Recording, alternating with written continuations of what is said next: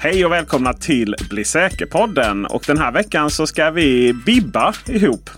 Mm. Det, vi, det vill säga prata om brister i BitLocker. Nej!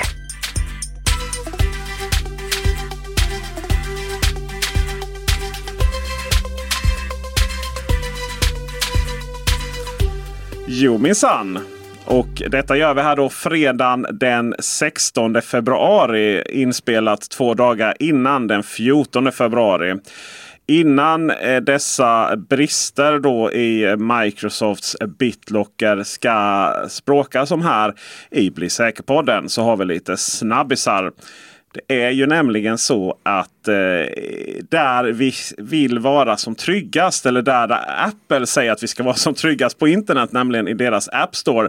Det är inte helt perfekt i det paradiset. Det är ju inte det och jag kan tänka mig att den här nyheten den kom så olägligt det bara gick för Apples del.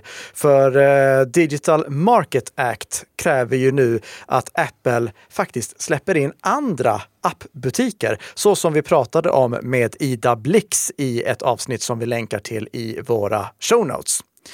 Så Apple, de kommer försöka marknadsföra sin appbutik som det säkra alternativet när monopolet släpper, vilket det gör nu i mars. Därför är det väldigt problematiskt för Apple att vi har fått ytterligare ett exempel på en app som har utgett sig för att vara en annan app och slunkit igenom Apples granskningsprocesser. I det här fallet var det en app som hette LastPass. alltså L-A-S-S-P-A-S-S och ja, ni kan ju själva eh, lista ut vad det var den försökte utge sig för att vara. Alltså den eh, tidigare så populära lösenordshanteraren LastPass. Det ehm, det är som sagt inte första gången som det här händer, alltså att en app lyckas slinka igenom Apples granskningsprocesser och utge sig för att vara en annan app än vad den i själva verket är. Vi har haft några riktigt allvarliga exempel tidigare. Eh, jag eh, tänker till exempel på i fjol. Då lanserade ju Meta sin eh, Twitterkopia Threads utan att släppa den i Europa. Och det spelade angripare rakt i händerna, för då kunde de släppa en Threads-app som såg ungefär ut som Threads och som användare lurades att installera. Framförallt för att de inte hade någonting att jämföra med. Alltså originalappen fanns ju inte där. Så det dök bara upp en app och flera antog säkert att ja, men det är väl då den här appen som jag ska installera. Det, det värsta exemplet vi har haft hittills, det har faktiskt du och jag pratat om tidigare tror jag. Det, det var när en app såg ut att vara Microsoft Authenticator, du vet den här tvåfaktorsautentiseringsappen från Microsoft. Appen såg ut att vara den för att det stod Microsoft i lite skärmdumpar. Det stod inte i eh, liksom, rubriken eller i titeln på appen, men det stod i skärmdumpar och så hade den en logotyp som påminde misstänkt mycket om Microsoft Authenticators riktiga logotyp. Men det den här appen gjorde, det var att den stal tvåfaktorsautentiseringshemligheterna.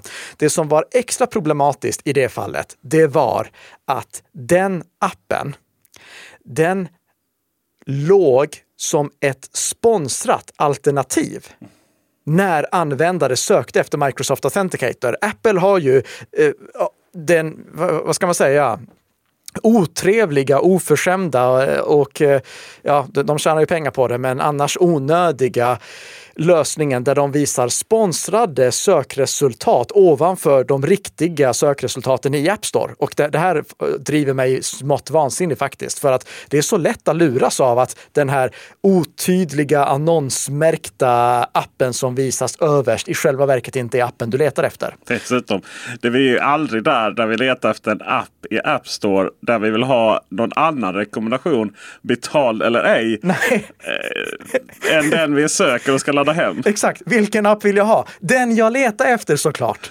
Så nej, det, det, är irriterande rent generellt att Apple visar sponsrade sökresultat i App Store. Men det var riktigt illa den här gången eftersom när användare sökte efter Microsoft Authenticator, då dög den falska Authenticator-appen upp längst upp i sökresultatet med en otydlig annonsmärkning.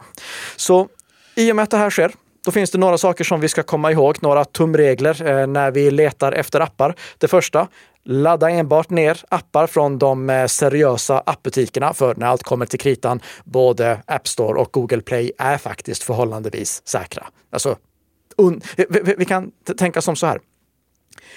Just att det här är nyhetsvärdigt, att vi lyfter upp just att det har hänt igen, är en indikator på hur sällan det händer. För att om det hade hänt dagligdags att kända appar blev plagierade och eh, publicerade i App Store, då hade det inte varit någonting som vi lyft upp i den här podden. Så eh, App Store och Google Play är fortfarande förhållandevis säkra ställen att ladda ner appar från. Men scrolla alltid förbi de sponsrade sökresultaten. Läs alltid recensionerna och kontrollera antalet nedladdningar så att du laddar ner den riktiga appen, inte en kopia. Och vid minsta tveksamhet, gå till apputvecklarens webbplats och se vilken app är det de länkar till därifrån. För att då slipper vi också de här problemen med geografiskt begränsade appar. Om eh, tillverkarna av appen länkar till en app som inte finns i europeiska App Store, då får du en varning där det helt enkelt står den här appen finns inte i europeiska App Store.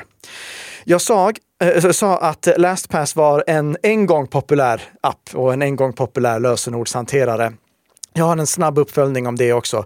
För eh, om vi tänker tillbaka till 2022 när vi hävde rekommendationen av LastPass på grund av att de ljög i sin dokumentation.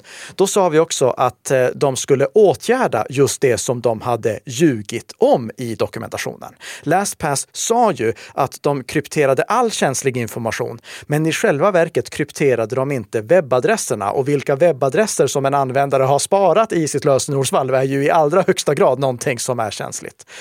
Jag skickade en fråga till LastPass PR-team i fredags och frågade har ni åtgärdat den här bristen nu 2024? De sa att de skulle återkomma. Det har de inte gjort. 2023, oktober 2023, då vet jag däremot att de fortfarande inte har gjort det och jag har fortfarande inte sett några indikatorer på att de skulle ha löst det här. Det spelar ingen roll för att i och med att de ljög så kommer vi ändå inte kunna lita på dem på fem års tid. Men jag fortsätter hålla ett öga på om de faktiskt åtgärdar den här bristen eller inte inte. För vi behöver ju lösenordshanterare under en överblickbar framtid eftersom vi inte riktigt har fått passkeys ja. överallt än. Nej, det har vi inte. Men vi har fått det på betydligt fler ställen här nu genom att Discourse forum, forummjukvaran har infört det. Och Det betyder ju att vi som har, som har egna Discourse-forum, i mitt fall då bubblan.teknikveckan.se, får automatiskt stöd. Och Det betyder ju att vi nu då helt enkelt bara kan eh, genom en enkel eh, knapptryckning logga in och då slipper vi använda namn, lösenord och till och med tvåstegsverifiering. Det vi gör då för att komma igång det är att eh, logga in först och främst på eh, sin Discourse med det gamla vanliga traditionella sättet. Och sen så gå till användarprofilen, inställningar, sedan säkerhet och sen skapa inloggningsnyckel.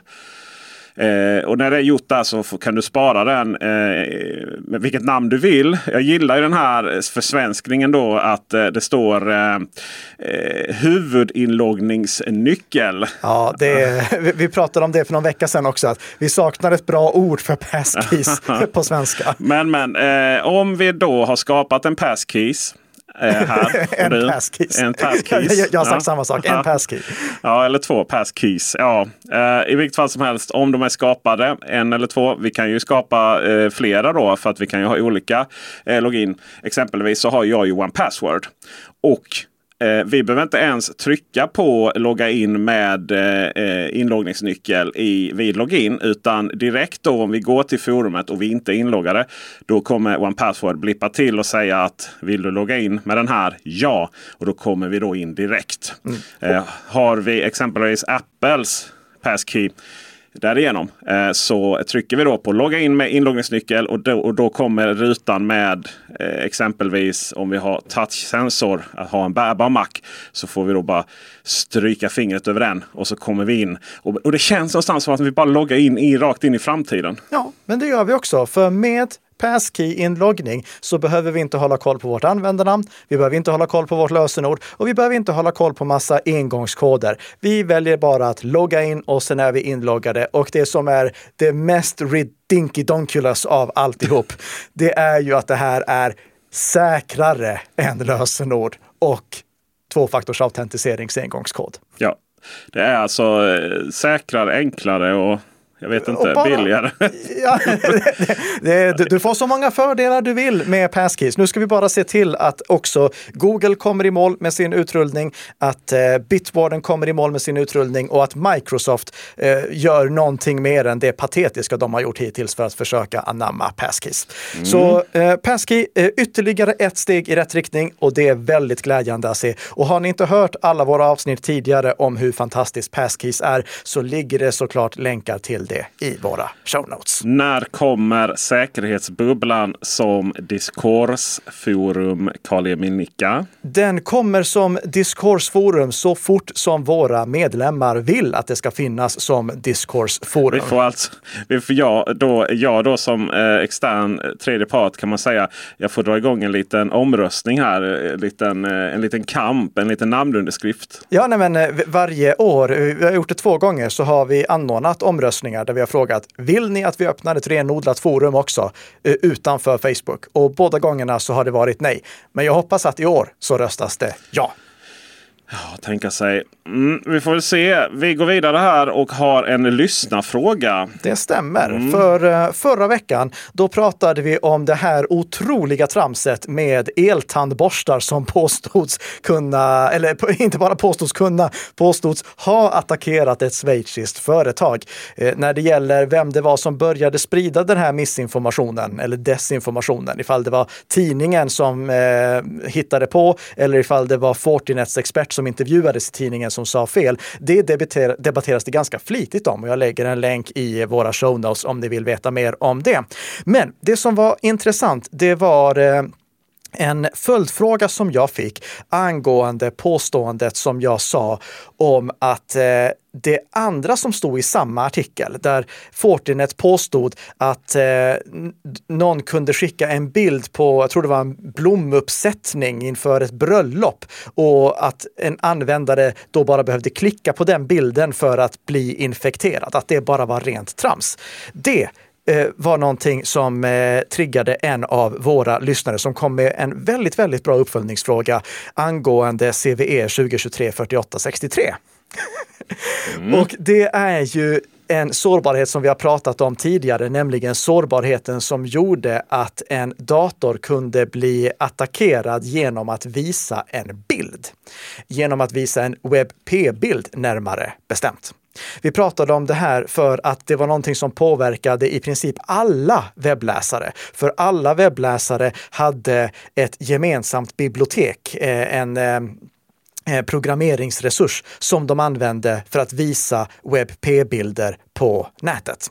till och med, du vet, sådana här elektronbaserade appar som eh, Obsidian. alltså? Ja, det, mm. eh, Obsidian och liknande. De eh, påverkades också av det här och var tvungna att uppdateras för att annars fanns risken att någon skulle lura en att visa en specialpreparerad WebP-bild. Och då är ju frågan, eh, ligger det kanske någon sanning i det som Fortinet eh, hävde ur sig? Att eh, ja, nej, men det räcker att man skickar en bild och att någon klickar på den bilden för att eh, den datorn då ska bli infekterad. Och eh, i korta drag, nej. För eh, en WebP-bild kan inte innehålla skadeprogram. En JPEG-bild kan inte innehålla skadeprogram. En PNG-bild kan inte innehålla skadeprogram. Inga traditionella bildformat kan innehålla skadeprogram. Det som var speciellt i det här fallet med WebP-bilder, det var just att de kunde trigga det här biblioteket att göra någonting som inte var önskvärt. Det var alltså inte så att bilderna i sig var skadliga, utan de kunde bara dra nytta av att sårbar mjukvara kunde fås att göra någonting som den inte skulle. Så kan en bild infektera en dator? Nej, under förutsättning att du som vanligt håller din dator uppdaterad och alla program uppdaterade. Och det är det vi återkommer till gång på gång på gång. Installera uppdateringarna så fort de släpps. Håller du din dator uppdaterad så kan du inte bli infekterad av en bild. Och igen med brasklappen som jag gav förra veckan eh, för attacker som Pegasus till exempel som riktas mot eh, högt uppsatta politiker, journalister. För övrigt, vi har fått ytterligare ett Pegasus-exempel den här veckan. Ja, den flyger igen, hästen. Ja, ytterligare en gång. Eh, men sen så fick jag också eh, frågan angående SVG-bilder. Och SVG-bilder, det är alltså vektorgrafikbilder. Det är det som vi har till exempel för att visa logotyper på webben som ska kunna skala hur mycket som helst utan att de blir pixliga. Och SVG-formatet kan innehålla skript, vilket alltså innebär att SVG-bilder i sig de skulle kunna vara skadliga. Det är inte någonting som berör det som de pratade om i den här eh, intervjun med Fortinet, för att du kan inte ha ett foto i en eh, SVG-bild. Men en SVG-bild kan innehålla skript, så den skulle kunna vara skadlig. Och ni som jobbar med publiceringssystem som till exempel Wordpress, ni har säkert märkt att standardinställningen i Wordpress är att du kan inte ladda upp SVG-bilder, för att SVG-bilder skulle kunna vara skadliga. Och då diskuterade jag lite med eh, vår kära lyssnare och reflekterade kring det här med vad skulle hända ifall någon mejlade en skriptpreparerad SVG-bild till någon? Skulle det kunna orsaka problem? Ehm, bortse från att eh, de gav exemplet med blommor. Tänk istället att det är logotypen i signaturen. Ja, jag tänkte det, det är bäst att bara testa. V vad händer? Så jag, jag, testade att skicka en massa mejl med SVG-bilder som innehöll skript till mig själv och öppna dem på olika typer av webbaserade e-postlösningar och i olika e-postklienter. För det första blev jag förvånad över att flera e-postklienter faktiskt visade de här SVG-bilderna. Det trodde jag inte att de skulle göra. Men jag kunde snabbt konstatera att det gick inte att få någon e-postklient, webbaserad eller traditionell e-postapp, att köra skriptet som låg i SVG-bilden. Det enda sättet som jag lyckades få det till att ske, det var att eh, öppna bilagan som SVG-bilden i det fallet utgjorde separat i en webbläsare. Och då är vi tillbaka till det här med att vi inte ska eh, öppna bilagor hur som helst som kommer via mail. Så SVG-bilder, nej, det är inte någonting som skulle kunna användas i en sån här attack. Vi har sett att det har använts i attacker, alltså på, på riktigt. Vi har sett att SVG-bilder har använts i attacker för att sprida skadeprogram. Men då har det varit att användaren har öppnat den bifogade filen, inte bara visat mejlet. Och, och, när det kommer till just det här med eh, WebP-bilder, det har då inte heller någonting att göra med huruvida användaren klickar på bilden eller inte, utan om datorn kör en mjukvara som är sårbar, då blir den attackerad bara av att bilden visas. Så klicket i sig, det är irrelevant. Så jag står kvar vid mitt påstående att det som Fortinet beskriver, det kan inte hända. Men tack så mycket för frågan och för möjligheten att komplettera med att det påståendet som jag sa nu, det var under förutsättning att datorn inte kör sårbar mjukvara. Vi går vidare och konstaterar att den integritetsvurmade, är det ett ord jag kan använda? Absolut. Eh, e-posttjänsten och kalender och det där Skiff lägger ner. Ja, för Skiff, de gick ut med buller och bång och meddelade glatt att citat “We are excited to share that Skiff is joining Notion”. Slutcitat. Alltså Skiff har blivit förvärvat, nej, inte Skiff har blivit förvärvat av Notion. Det är inte det de skriver, men det är det som har hänt. Eh, de säger att de går ihop med Notion. Eh, har du använt Notion? Ja. Ja, vad, vad är Notion? Notion är en eh, anteckningsapp men samtidigt så bygger du ju upp hela flöden av information. Eh, det är inte bara att du har liksom lite markdown så utan du, du kan nästan bygga upp nästan liksom CRM i det där. Och vad är CRM? Uh, eh, content Manager Nej, CRM är Customer Relation Management. Förlåt, ja. jag menade... CMS? nej, jag menade Customer Relations ja. System. Du kan använda det till, till väldigt mycket. Ja. det är en bra beskrivning. Du kan använda det till väldigt mycket. Ja. Men, men det, är, det, är, det är bara att konstatera att det är anteckningar på rejäla steroider. Verkligen.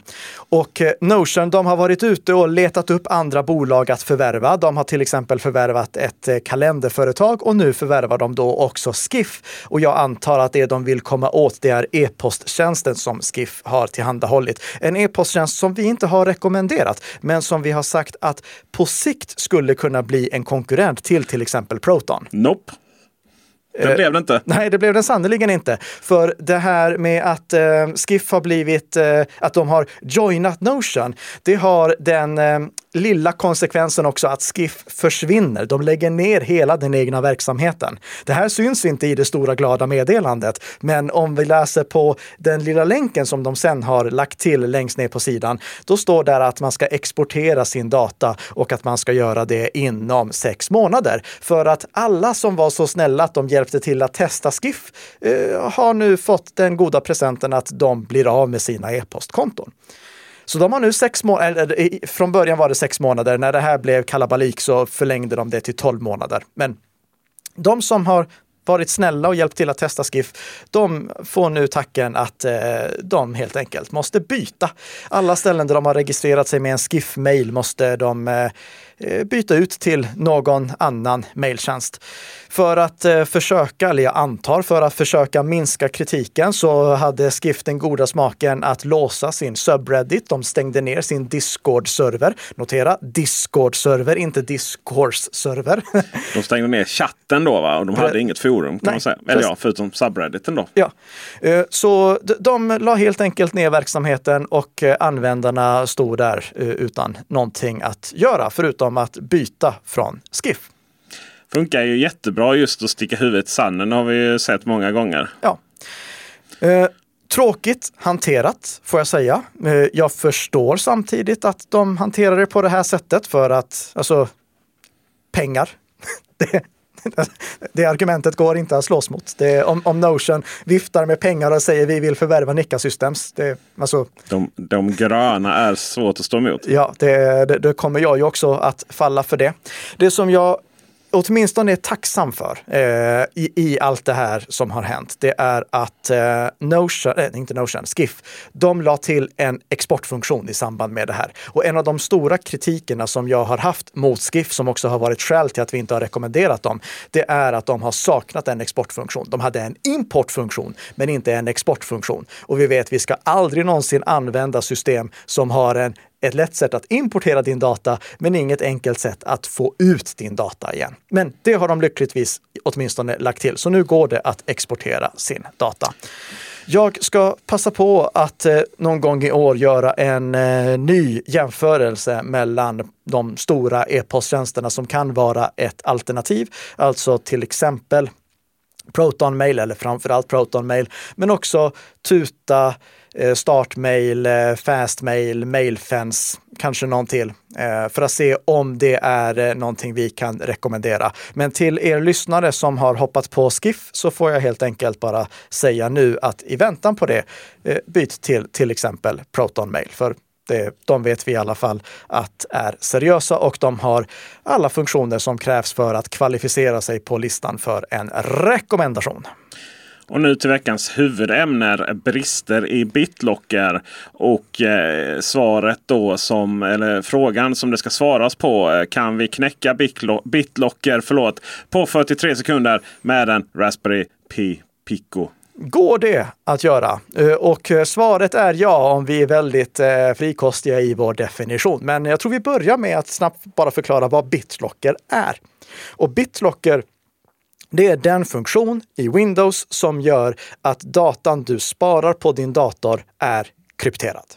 Så att om det skulle vara så att en angripare får tag i din dator, då ska angriparen inte kunna plocka ut lagringsenheten ur datorn eh, och eh, läsa ut allting som du har sparat på den. Eh, och också någonting som vi brukar poängtera om när det kommer till just att vi gör oss av med gammal elektronik. Eh, BitLocker gör att om du har bara sparat data på din dator med BitLocker aktiverat, då behöver du inte vara orolig för att någon i framtiden ska kunna hitta din dator och läsa ut datan som en gång låg på lagringsytan. Du behöver inte skriva över hela lagringsytan, för det går inte att eh, eh, återställa den datan i läsbart skick. Eh, eller går det? Ja, det som eh, Youtubern Stack Smashing har upptäckt, eh, och, och, det här, alltså det är stort ja. cred till honom för att det, det, här är jättehäftigt. Eh, vi lägger en länk till hela hans video där han visar vad han har gjort. Han visar hur han kan plocka den nyckel som krävs för att dekryptera lagringen från en Lenovo-dator. Det som han visar, det är hur han har byggt en liten avläsningsenhet som baseras på enkortsdatorn Raspberry Pi Pico, som han kan använda för att sniffa dekrypteringsnyckeln. När datorn startar Eh, när Windows-datorn startar, då behöver den få reda på vilken är dekrypteringsnyckeln som vi ska använda för att dekryptera lagringen så att vi kan starta Windows. För att om, eh, om datorn är krypterad så kan den inte starta. Och det som händer då, det är att dekrypteringsnyckeln som ligger i en liten kryptoprocessor som heter en Trusted Platform Module skickas till processorn. Och vi har pratat om den här TPMen tidigare eftersom den är ett krav i Windows 11. Ni som har lyssnat på podden länge, ni minns säkert att vi pratade om att i samband med släppet av Windows 11 så höjde Microsoft kraven på datorer. Och ett av de nya kraven var att det skulle finnas en TPM, en sån här kryptoprocessor. Och den kryptoprocessorn, den kan antingen vara inbyggd i den huvudsakliga processorn eller så kan den vara fristående. Och ni som har byggt datorer, stationära datorer, ni minns säkert att ni var tvungna att köpa en liten extra eh, sak som ni satte på några piggar på moderkortet. Och den där lilla extra saken, det var TPM, kryptoprocessorn, Trusted Platform Module. Och om ni kan sätta den där saken på fysiska pinnar på ett moderkort, ja, då finns det också någonting som går att koppla däremellan och avlyssna den trafik som skickas till och från kryptoprocessorn. Det som eh, Stack Smashing upptäckte, det var att han kunde göra samma sak fast i en bärbar dator. För han kunde komma åt de där pinnarna, samma pinnar som är eh, betydligt större i en stationär dator, men han kunde komma åt dem i en bärbar dator också. Och med det verktyg som han byggde och som källkoden är öppen till, den ligger på GitHub, läsa ut krypto, eh, dekrypteringsnyckeln. För den skickas i klartext från kryptoprocessorn till den huvudsakliga processorn när datorn startar. Det här är inget problem om TPM är inbyggd i processorn. För då kan du inte komma åt den någonstans. Du kan inte komma åt den utifrån på något sätt. Den är inuti processorn. Om du kommer åt den inuti processorn så kan jag säga att den processorn kommer inte att starta igen. Men om den är fristående, då går det att komma åt den. Och det visar då Stack Smashing att han kan göra. Han visar att han kan göra det och att han kan läsa ut allting han behöver på 43 sekunder. Sen är det självfallet så att han har suttit i dagar för att utveckla de här verktygen. Men nu när han har gjort det, gjort de här verktygen, då kan han läsa ut den här, krypto, eh, den här dekrypteringsnyckeln bara genom att öppna en bärbar dator, i det här fallet en eh, ThinkPad X1 Carbon från 2014 och sätta det här verktyget på eh, pinnarna som finns på den här eh, TPMen. När han sen hade läst ut den här dekrypteringsnyckeln, då kunde han plocka ut själva lagringsenheten, sätta den i en Linux-dator och använda ett öppen källkodsverktyg för att dekryptera lagringen med den här krypteringsnyckeln som han hade sniffat upp. Vad innebär det här då? Ja, det innebär att om du har en dator, en Windows-dator, som har en TPM som inte är inbyggd i processorn, utan som är fristående. Den är antingen fastlödd på moderkortet eller du har tryckt dit den eh, när du byggde datorn en gång i tiden. Då kan en angripare som antingen är en statsunderstödd aktör eller en eh, väldigt professionell eh, kriminell liga eller en nörd med för mycket fritid dekryptera din lagring. Så om du blir av med datorn, om någon stjäl din dator, då kan någon av de här aktörerna faktiskt dekrypterar lagringen även om du har aktiverat BitLocker. BitLocker skyddar fortfarande mot att någon angripare bara öppnar upp din dator och plockar ur lagringsenheten, för att då kan inte angriparen göra någonting med lagringsenheten. Eh, den är krypterad, utan angriparen måste faktiskt ha tillgång till din dator och kunna starta upp din dator och ha ett verktyg som är utvecklat för just din dator för att kunna sniffa trafiken som går mellan kryptoprocessorn, TPM, och den huvudsakliga processorn. Men om så är fallet, då kan en angripare faktiskt göra det. Hur vet vi då om den här TPMen är inbyggd i processorn eller inte? Ja, här hade Ars Technica en, ett riktigt bra tips. För de tipsade om att vi kan gå till eh, Windows säkerhet, klicka på enhetssäkerhet och välja information om säkerhetsprocessor. Där kan vi se vem som har tillverkat vår säkerhetsprocessor, alltså vår TPM. Och om det står att det är Intel, AMD eller Microsoft som har gjort det, så indikerar det att ah, det här är någonting som är inbyggt i processorn. Men om det som i till exempel min Lenovo-dator står att det är ST Microelectronics, då är det en fristående kryptoprocessor och då är den här attacken möjlig. Så om det står Intel, AMD eller Microsoft, då går det inte att göra den här attacken. Men om det står något annat, då går det med hög sannolikhet att göra den här attacken mot din dator. Ni som kollar på videoversionen här, ni ser att det står PRLS som tillverkare, men det är för att jag visar det här på en virtuell dator. Eh, det finns ingen tillverkare som heter PRLS egentligen, men det, där det står PRLS, där är det som det då kan stå Intel, AMD, Microsoft eller någonting annat, som i mitt fall med min Windows Lenovo-dator ST Microelectronics. Ska vi bjuda på en lösning på problemet också? Ja, det vore väl gentilt va? Ja. Och eh, eh, den uppenbara lösningen, köpbara datorer med inbyggda, eh, där Eh, kryptoprocessorn är inbyggd i huvudsakliga processorn. Det är självfallet inte någonting som funkar för datorer som redan är köpta. Men jag kan säga att det här är ett övergående problem. För att på sikt så kommer vi bara ha datorer där kryptoprocessorn är inbyggd i den huvudsakliga processorn. Men annars så kontrollera vad som är fallet för just dig. Om fallet för dig är att din kryptoprocessor är en fristående sådan, inte från Intel AMD eller Microsoft. Då kan du fortfarande rädda situationen genom att aktivera en ny grupppolicy.